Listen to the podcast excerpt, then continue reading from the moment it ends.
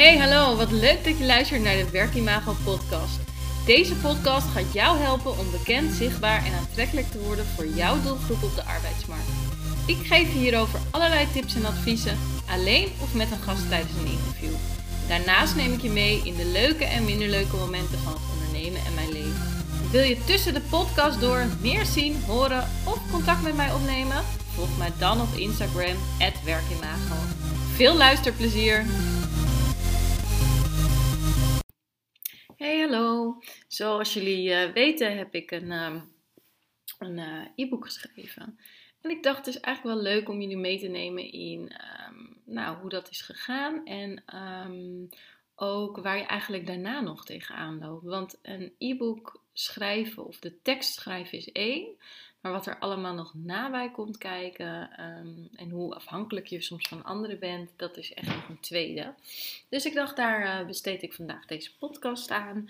En um, nou, hoe het allemaal begon eigenlijk, is dat ik super veel um, ja, kennis in mijn hoofd had en ideeën. En uh, die moesten eruit. En dat was eigenlijk begonnen uh, met het schrijven van artikelen of blogs eigenlijk meer. Um, op uh, LinkedIn. En later dacht ik, ja, maar ik kan hier zoveel meer over vertellen. Laat ik het eens in een uh, ja, een e-book schrijven. Um, dus ik um, nou, wist wel dat ik daar echt wel de rust en de tijd voor nodig had. En met uh, een gezin thuis met twee hele jonge kindjes en nou, een drukke baan daarnaast, wist ik dat ik niet de rust zou krijgen hier thuis. Dus ik had besloten om eigenlijk een beetje op een hutje op de hei te gaan zitten. Het liefst zonder internet, het liefst uh, zonder tv, uh, dat soort dingen.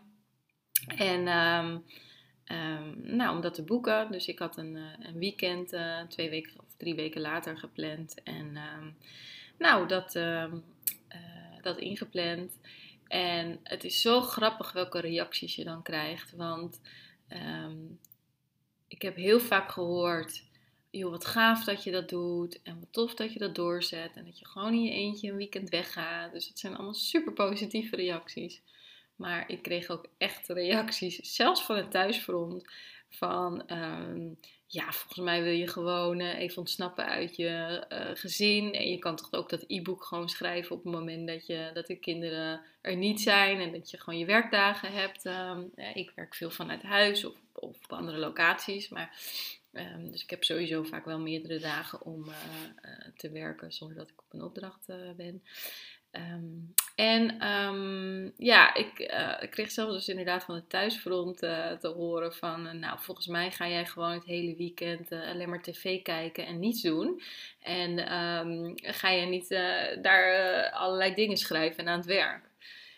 En toen dacht ik echt, nou wat wordt er gezegd, weet je wel? En, um, en wat maakt het eigenlijk uit als ik het wel zou doen? Maar uh, ik was ook gewoon echt niet van plan. Ik had gewoon super veel dingen en ideeën in mijn hoofd zitten.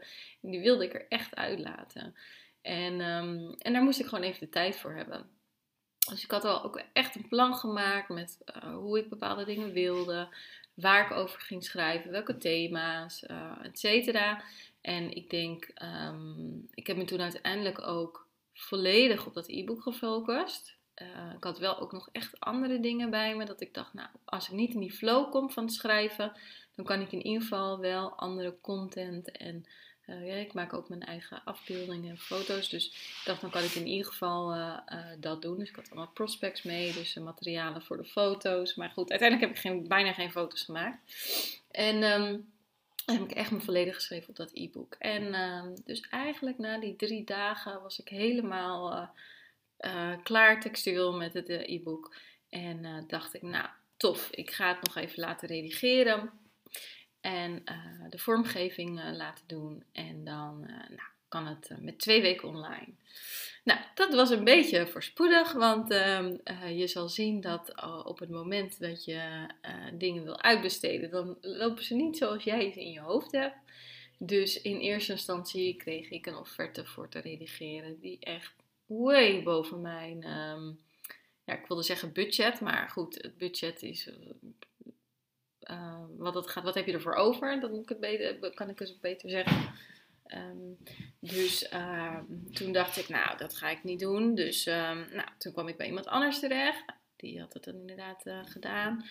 Ehm, en die had dus even de teksten nagelezen en veranderd. Maar ja, toen kreeg ik dus echt een document vol met rode strepen terug. Dus ik dacht echt, oh jee, heb ik zo slecht geschreven. Maar zij zei ook van nee, het is echt wel super leuk geschreven. en dit was meer gewoon uh, textueel en dingen uniform en dat soort dingen. Dus, um, maar goed, toen heb ik gewoon accept al wijzigingen geaccepteerd, zeg maar. En maar dan moet je toch wel weer over dat hele document van nou, 40, 50 pagina's lezen. Dus daar gaat toch wel weer even de tijd in zitten, wat heel goed is. En daarna wilde ik ook nog um, een als een soort aftreksel uh, gratis checklisten maken. Zodat je eigenlijk als ondernemer of recruiter of HR-manager of wie dan ook uh, um, alvast aan de slag kon gaan. Um, eh, alvast in de moed komen van nou, wat kan je nou voor, voor dingen al doen.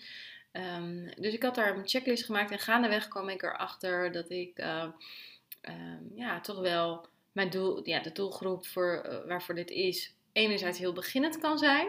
Ehm, en klein. Dus uh, denk aan een, uh, een, bedrijf met 10 medewerkers die wil uitbreiden. Um, en uh, dat niet lukt. maar het kan ook een groter bedrijf zijn. of bijvoorbeeld een bedrijf van 250 medewerkers met een, of meer. Maar met een recruiter die niet de laatste stappen kan zetten om toch um, ja, wel de goede sollicitanten binnen te halen. Dus toen dacht ik, ik moet toch diverse checklisten maken, omdat iedereen op een divers niveau zit. Daar was ik al wel in het e-book achter gekomen, dus ik had al expres wat expert levels gemaakt. Om um, nou ja, het uh, voor alle niveaus zeg maar uh, interessant te maken. En um, dus ja, daar ging ook weer tijd in zitten in die checklisten. Nou, die moesten ook weer uh, geredigeerd worden. Um, dus uh, herlezen en uh, grammaticaal en aangepast en dat soort dingen. En um, nou, toen dacht ik, wow, mooi, ik ben klaar. Toen wilde ik met de vormgeving beginnen. Um, en dat lukte in eerste instantie niet. Dus toen dacht ik, kan het ook beter uitbesteden. Nou, toen was ik met een dame in gesprek. Um, superleuk, heel veel ideeën. Maar toen kwam ik erachter dat zij dat in een programma deed. Dus dat ik dan nooit meer dat e-book kon aanpassen. Toen nog met een andere dame gesproken. daar gingen dagen overheen. En toen was het toch te druk. En dus al met al was ik al twee weken verder. En toen had ik een dag uh, voor de boeg. Uh, waar ik de hele dag gewoon super veel kon doen. Niks gepland had te staan. Dus toen dacht ik, weet je, ik doe het ook gewoon zelf. Um, dan ben ik er gewoon sneller van af. Uh, um, of nou, niet sneller van af. Want het is eigenlijk best wel leuk om te doen. Maar het kost dan even tijd. Maar dan is het eh, wel sneller klaar. Laat ik het zo zeggen. En al met al ben ik er ook echt super tevreden over. En je leert er ook weer super veel van als je dingen zelf doet in plaats van dat je dingen uitbesteedt. Dus, um, um, nou goed. En toen zei nog een vriendinnetje van mij, die heeft Nederlands gestudeerd. Weet je wat, ik lees er nog even overheen. Uh, maar goed, zij is ook wel Pietje precies en uh, niet altijd... Even planningsmatig. Dus inmiddels ligt het e-book daar ook. Uh, nog even de laatste controle uh, en dat duurt nog even. En ondertussen kwam ik er ook achter dat mijn website eigenlijk niet um, ondersteunen wat ik wilde. Dus dat betekende dat uh, ik toch een website moest ombouwen naar een andere. Of mijn website moest ombouwen naar een andere. Nou, ik weet niet eens hoe dat heet, maar ik, um, ik ben in ieder geval overgegaan naar een website die ik zelf kon bouwen. ik ben best wel handig in dat soort dingen. En um, waar ik zelf meer mee kon dan het standaard format van de andere partij. Dus um, nou, daaraan begonnen en halverwege kwam ik wel met een partij uh, in uh, aanraking die mij, daar kon bij, die mij daarbij kon helpen, omdat sommige dingen dan ook wel niet lukten. Dus die zijn nu met mijn website bezig. Dus als het goed is, is de website nu over vijf dagen af. En daarom heb ik ook met deadlines nog voor de e-boeken en de checklisten um, uh, eigenlijk uh, nou, uh, deze dagen staan om die gewoon helemaal af te hebben. Dat als de website af is, ik meteen online kan gaan. Um, dus allemaal heel leuk en super veel geleerd. Maar waar ik eerst dacht, nou, ik ga een weekend in oktober dat e-book schrijven en een week later kan die online, zijn we inmiddels alweer een maand verder. En nou, dat soort dingen horen er ook bij. Um, Hè, dus als je zelf uh, uh, ook een e-book wil schrijven en um, ja, je denkt waar, waar ga ik allemaal tegenaan lopen, dan zijn dit van die dingen. Dus enerzijds moet je echt de rust en tijd in je hoofd hebben om, om zo'n e-book te maken en te schrijven. Um, en anderzijds uh, ja, het redigeren en uh, de vormgeving ervan. Hoe ga ik de marketing doen? Hoe ga ik het publiceren? Hoe zorg ik dat mensen hem ook daadwerkelijk gaan zien? Dat soort dingen komen er ook allemaal bij kijken. En um, nou ja, die, die laatste fase ga ik zelf ook nog in. Um, en uh, nou, ik heb zelf wel ja, ook echt ervaring met um, campagnes, bijvoorbeeld op social media.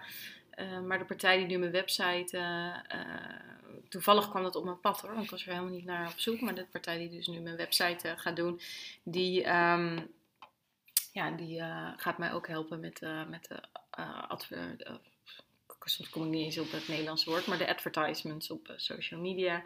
Dus dat ook daadwerkelijk de doelgroep waarvoor, dit, uh, waarvoor de checklist en het e-book zijn, dat zij ook op de hoogte zijn dat dat bestaat. Um, dat is natuurlijk nog een verhaal 2.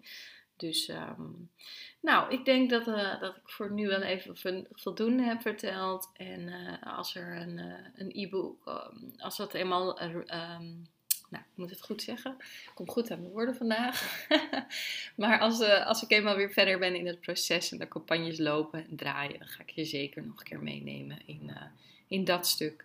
En uh, waar ik dan tegenaan ga lopen. Want dat, dat hoort ook bij het ondernemen en bij ja, nieuwe dingen ontwikkelen. je moet altijd blijven analyseren hoe loopt het, hoe gaat het, moet ik dingen anders doen. En uh, je gaat altijd tegen tegenslagen lopen. En daar kan je alleen maar van leren voor een volgende keer. Dus um, ja, ik ga jullie op de hoogte houden. En ik wens jullie een fijne dag.